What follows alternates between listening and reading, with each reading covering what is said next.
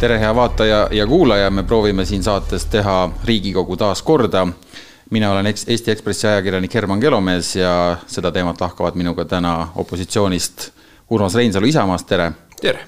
ja koalitsioonist Liisa Pakosta Eesti kahesajast, tere. tere Urmas Reinsalu, te ilmselt teate, et on olemas selline asi nagu maailma lõpu kell, mis näitab siis, kui palju on veel aega selleni, kuni saabub katastroof, et maailma lõpu kell näitab praegu, et sada sekundit on aega Eesti demokraatia puhul, kui oleks sarnane asi, mis see aeg oleks, palju meil maailma lõpuni aega on?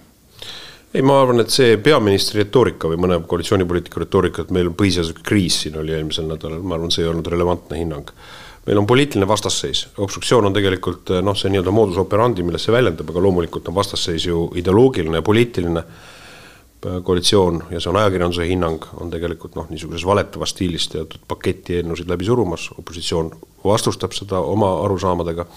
Isamaa, Isamaa vaates on kindlasti väga kahetsusväärne see, et äh, me tegime ettepaneku, et selles mõttes retoorikat praegu pannakse õhku, et nagu, et, et opositsioon oleks lõpmatuseni keerutanud ja parlamenti pantvangis hoidnud.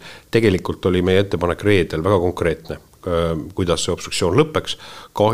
koalitsioon võttis mõtlemise aja, ütles nädalavahetusel ilusad ilmad, ei saa koguneda, esmaspäeval annab vastuse. vastust ei tulnud ja tegelikult lihtsalt nii-öelda eelhoiatuseta lihtsalt rikuti seadust, see on loomulikult väga halb pretsedent. Ja see on ka põhjus, miks me opositsioonierakonnad on otsustanud pöörduda Riigikohtusse. Te olete ise ka jurist, Liisa Pakosta, et kui tõsine jama meil praegu konstitutsiooniga on? ma olen Urmas Reinsaluga selles mõttes nõus, et tegemist ei ole meil põhiseadusliku kriisiga. me oleme mõlemad pikka aega ka varem Riigikogus olnud ja ehm, peale ühe nüansi mitte midagi ebatavalist äh, obstruktsioonis ju praegu ei ole. Et äh, saime eile Riigikogu käima, tegelikult oli väga mõnus tunne olla saalis, et lõpuks ometi arutati neid asju. ma siinkohal kiidan opositsiooni, tuli väga palju arukaid küsimusi, sealhulgas ka Isamaa saadikutelt oli näha, et teemad lähevad inimestele korda ja Riigikogu lõpuks ometi sai hakata neid sisulisi küsimusi arutama. Et selleks on ju Riigikogu kogunenud. oleksite nädal aega tagasi olnud ka sellega nõus? et Riigikogu saab et tööd teha või? ei ole ja ei, selles mõttes see, et on opositsioon väljendab oma seisukohti obstruktsiooniga, on täiesti normaalne demokraatia osa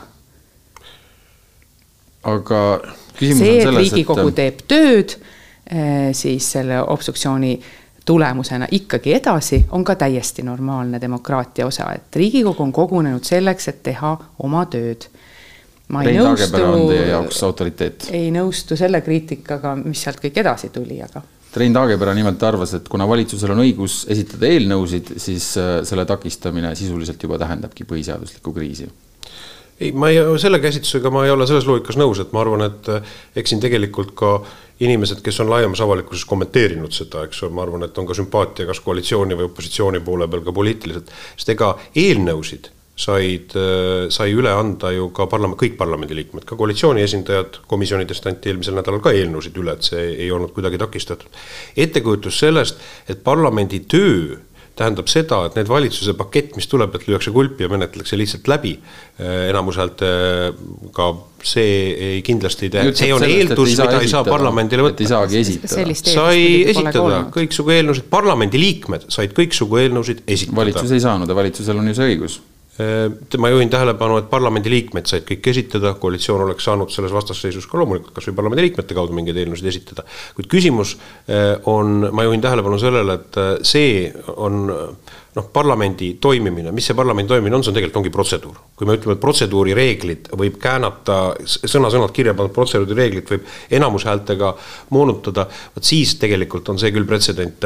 Liisa viitas õieti, et on ka varem olnud obstruktsioone ja tavapärane on Eesti poliitikas ja ma arvan, kõigis parlamentides, et need, kes obstruktsiooni vastustavad, leiavad, et see on kohutav äh, ja, ja raha raiskamine ja samamoodi opositsioon seisab oma asja eest. ja nii ta on olnud täpselt samamoodi ka ametis olev peaminister kui ta oli, oli opositsioonis, tegi seda ise, kui ta oli koalitsioonis, kritiseeris seda ja unikaalselt tõepoolest ka suutis peaministrina ise korraldada obstruktsiooni eelmisel suvel, mis oleks äärepealt viinud, võinud välja viia, sa mäletad, Herman, erakorraliste valimisteni. president helistas Kadriorust isegi valimiskomisjoni, et kuupäevi küsida, et millal see võiks olla.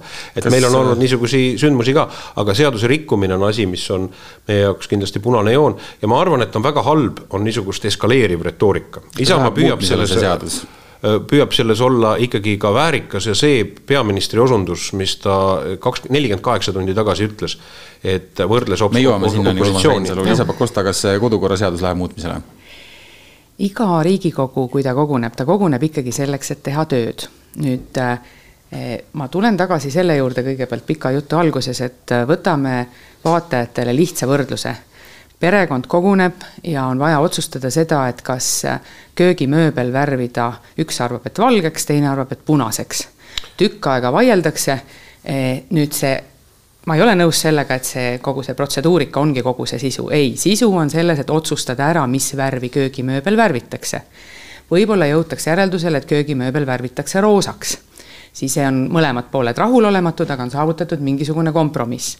see otsus on ikkagi see, miks on kogunetud, mitte see protseduurika mõnel juhul ei ole võimalik nii lihtsalt seda kompromissi leida, näiteks kui üks pool ütleb, et tähendab, kas see seadus vana, läheb muutmisele või ei lähe? kohe jõuan sinnani, jätame vana köögimööbli, teine ütleb, et ei, paneme igal juhul uue, üks ütleb, et meil selleks raha ei ole, no seal tõesti nagu kokkuleppele ei jõua, et tuleb ka kuidagi otsusele jõuda. nüüd iga Riigikogu, kes koguneb, Eestis on korraldatud niimoodi, et see Riigikogu otsustab oma töökorra üle põhimõtteliselt on tõesti võimalik, et praegu kogunenud Riigikogu viieteistkümnes koosseis äh, muudab Riigikogu kodu- ja töökorra seadust, see õigus Riigikogul on iseendale neid reegleid teha. meil on maailmas näiteid, kus parlamendid kogunevad ja kohe esimese asjana alguses pannakse nii-öelda klassireeglid paika, nii nagu koolis on, et klassijuhataja esimesel septembril võtab klassi kokku ja pannakse klassireeglid seina peale. mis muutusi meil vaja on? Noh, ma arvan, et äh, koalitsioon on sellega ähvardanud ju päevi et ta tegelikult ka suukorvistab äh, siis ka läbi seaduse menetluse opositsiooni õigusi. ja ega vaat see erosioon seaduse nagu nii-öelda selektiivse täitmise puhul on, on üsnagi nakkav, sest tegelikkuses ma tean, et Riigikogu juhatuse liikmed arutasid ka eelmisel nädalal oli vaidlus selle üle, kas opositsiooni esitatud arupärimisi ja seaduseelnõusid üldse võtta menetlusse ja mis seadus nõuab, et juhatus peab seda tegema. osa sellest jutust muidugi juba ei vasta tõele, aga see äh, selleks. vaidluses äh, äh, saadeti ametnikud välja ja, ja õnneks juhatuses jäi ikkagi seadust austav seisukoht peale. mul oleks Liisale niisugune küsimus, et kui Riigikohus ütleb, et annab väärtushinnangu, et tegelikkuses opositsioonil on õigus vastavalt kodukorraseadusele neid eelnõusid siis enne istungit esitada, kas siis koalitsioon täidab Riigikohtu otsust? Kõigepealt ootame ära selle Riigikohtu otsuse. aga kui ots-, oletame, et otsus on selline, kas te siis täidate? no tavapäraselt, nagu juba saatejuht ütles, kaks juristi on siin kokku ja. saanud praegu. tavapäraselt, sa tead väga hästi, et kui äh, haldusmenetluses ehk siis äh, riigiorganite menetluses leitakse mingisugune protseduuriline viga, siis Riigikohus hindab seda, et kas see otsus, mis lõpuks tehti, sai sellest mõjutatud või mitte meil ikkagi ilmselgelt täna ei ole vaidlust selle üle, et Riigikogu on kogunenud selleks, et teha tööd, teha otsuseid. loomulikult peab olema opositsioonile tagatud õigus esitada oma eelnõusid ja arupärimisi. Loomulikult tuleb nendele eelnõudele vastavalt korrale menetlusse võtta need ja arupärimistele vastata. kõik niisugused süüdistused, ah, ma olen kuulnud siin seda, teist ja kolmandat ja nende faktidena esitamine, noh, see on täielik jamps, et see näitab seda, et argumendid on juba, on juba täiesti argumendid otsas. et äh, Riigikogu ülesanne on jõuda nende otsusteni, selleks on Riigikogu kokku tulnud, selleks on inimesed valimas käinud ja meile mandaadi andnud. see on. ja ei vasta tõele ka absoluutselt see, justkui oleks äh, mingisugune eraldi eesmärk äh, opositsiooni suukorvistamine, see on täielik jamps. et äh, Riigikogu on tulnud kokku selleks, et teha tööd. nüüd, kui Riigikogu töö on takistatud väga palju riigiõiguse asjatundjaid on ju oma seisukoha öelnud, tuleb leida viis, kuidas sellest üle saada ja uuesti tööle asuda. palun väga, et ka täna oli võimalus esitada arupärimisi ja eelnõusid, ka eile oli võimalus esitada arupärimisi ja eelnõusid, mitte keegi ei ole absoluutselt seda võimalust takistanud Aga.... see võimalus oli eile, oli täna.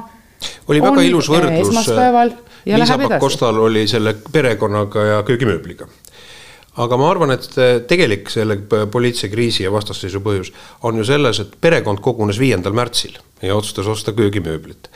programmid, mida valitsust moodustanud äh, erakonnad inimestele lubasid, küsimus ei ole selles, kas nad viivad ellu poliitikat, äh, äh, mida nende programmides ei ole ka seda tehakse koalitsioonides, tehakse küsimusi, mida lepitakse kokku, mida ei ole programmides.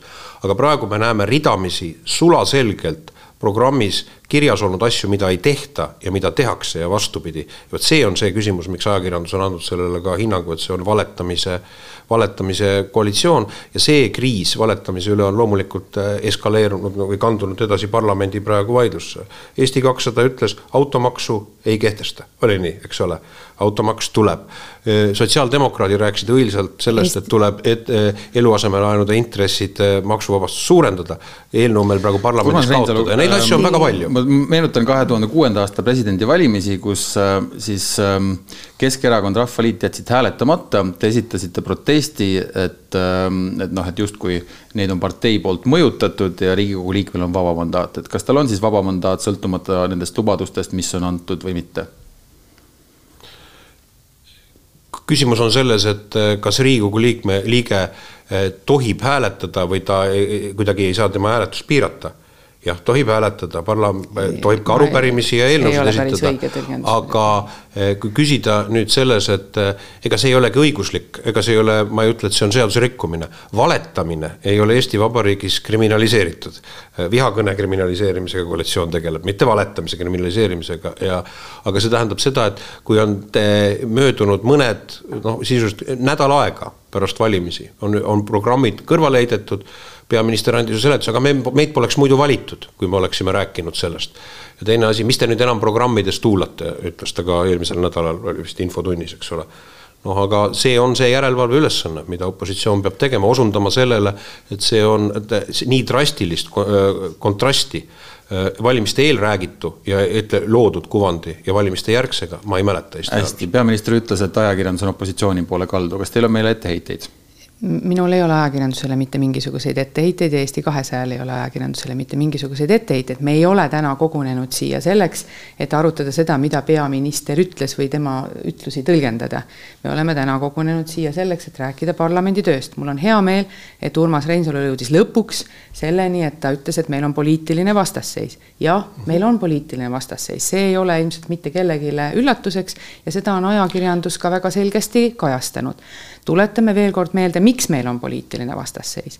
meil on poliitiline vastasseis muuhulgas sellepärast, et eelmine valitsus võttis vastu otsuse näiteks tõsta toetuseid, aga ütles ka sinna juurde kohe, et raha selleks peab leidma järgmine Riigikogu koosseis, et me seda praegu ei aruta, kust see raha tuleb.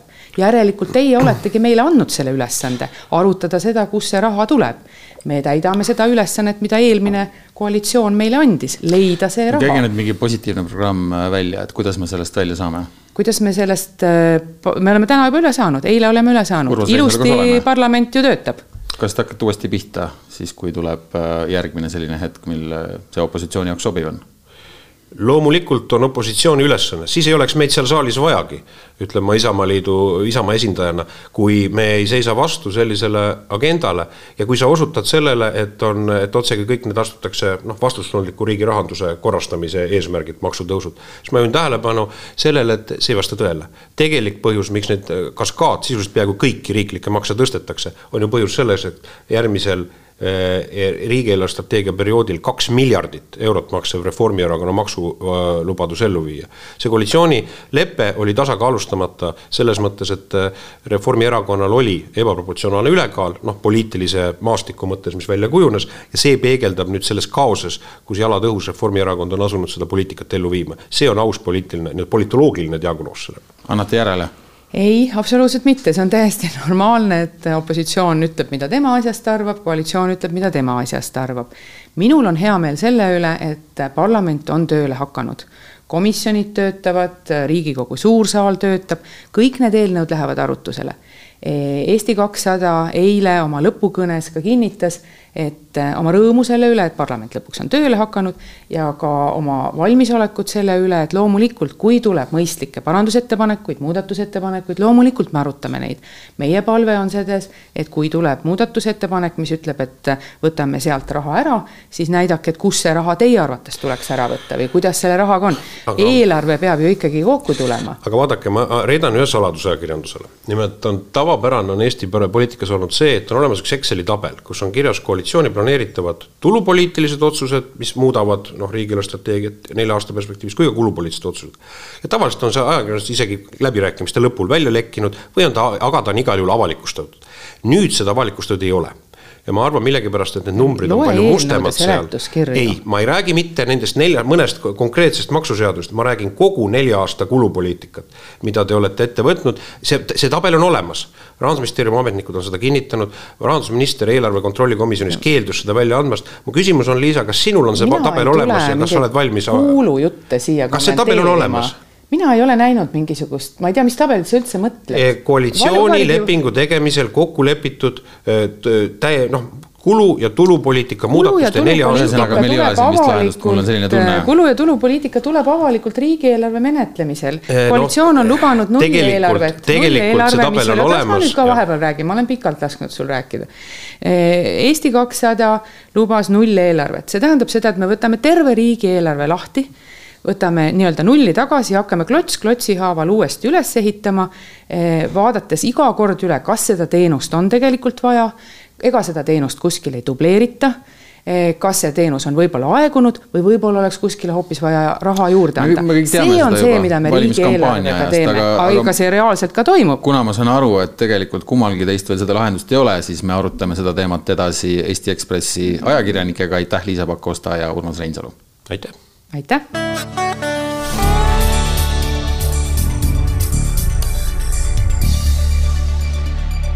minuga on Grete Lehepuu ja Urmas Jaagant. Grete, mis mulje sulle jäi, mis kõlama jäi, kas sa said ajakirjanikuna ka targemaks? me vist peame mingit tabelit minema otsima või siis see oli see konks, mille otsa ma nüüd, äh, mina langesin um,. tegelikult oli huvitav ja mulje mulle jäi selline, et um, kaks pada ja katelt istusid laua taga ja ühed mustad mõlemad. ja, et, et, et tegelikult see on hea, et nad siin istusid, sellepärast et sellist arutelu väga vähe on kosta minu meelest kogu selle asja vältel. et, et kui küsida, ma ei tea, kes on süüdi või, või kes, ma ei tea, kaotab või mis iganes, siis minu arust Eesti avalikkus on kaotanud ja Riigikogu oma maines on kaotanud. et ma oleks äh, kogu selle jandi vältel tahtnud, ma tahaksin rohkem kuulda niisugust ähm, mõnusat selget arutelu nii-öelda köögimööbli tegemisele ja valimise üle.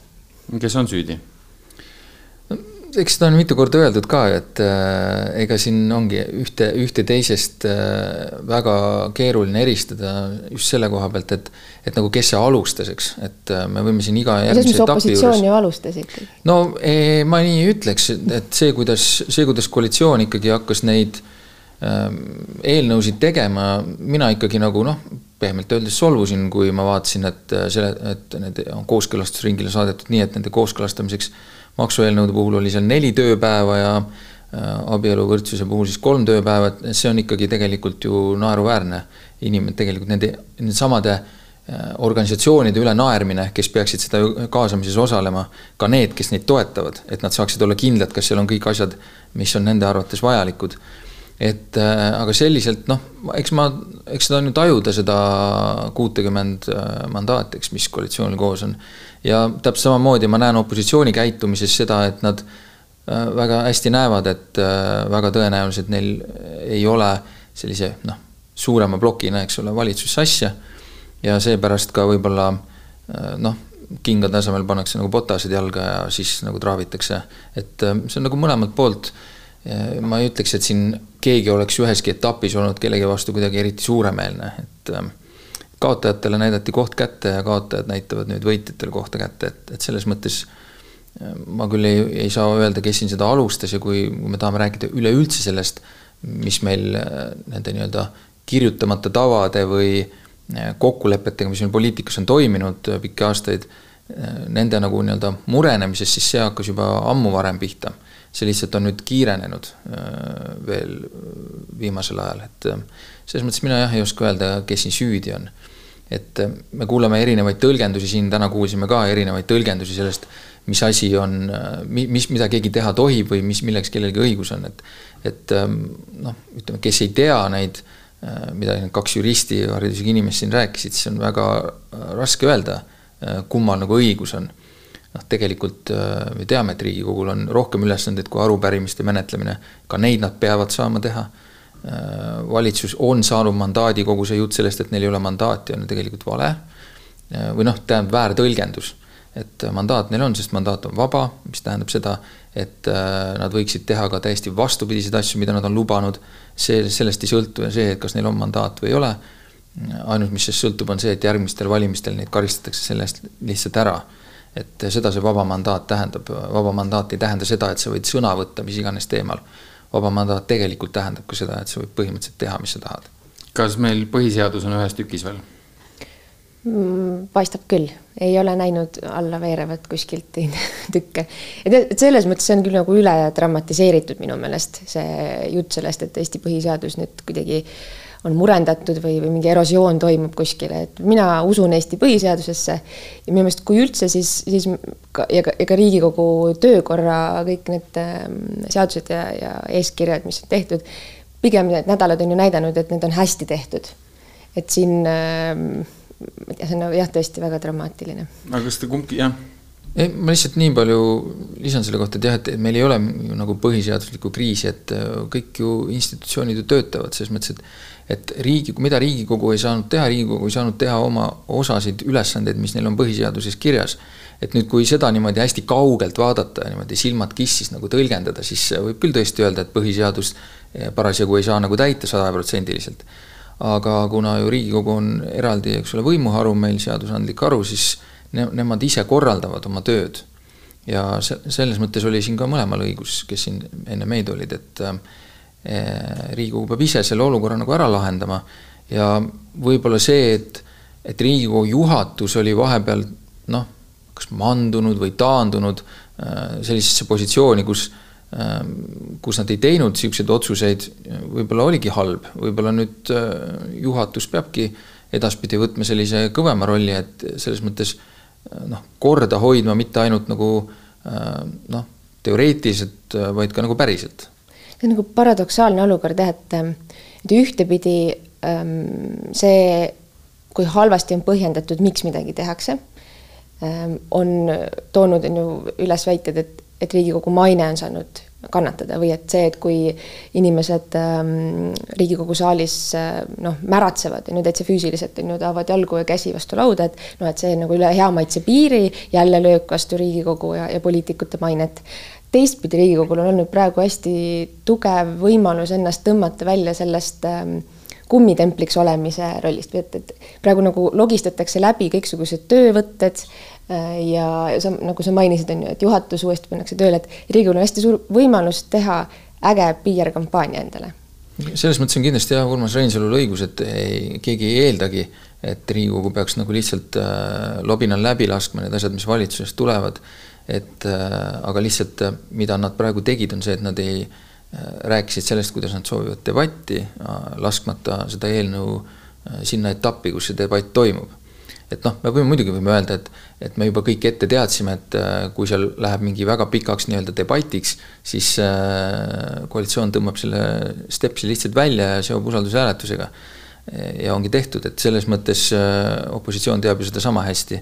nii et kummaltki poolt oli täitsa naljakas vaadata, kuidas nõuti, ühed nõudsid debatti ja teised ütlesid, et miks te siis takistate debatti, väga hästi teades, et kumbki seda ei soovi et äh, selles mõttes äh, seda oli natuke naljakas vaadata.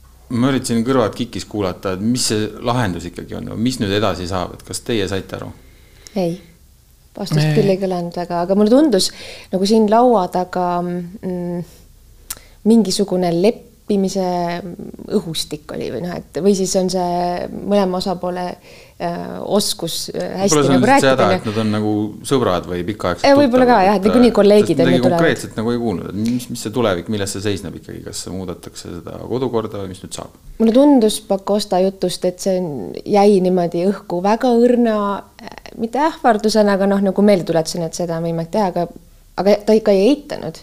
mis enamasti vist tähendab, et midagi ikka äkki proovitakse, ma ei tea, kas Ma see arv- oleks ka hea, nagu kas see arvan, on vajalik? ma arvan, et proovitakse ja ei no selles mõttes ta tõenäoliselt oleks vajalik, et et äh, noh, küsimus on, kui heaks vahendiks me seda nagu peame, et äh, mida nagu seekord tehti.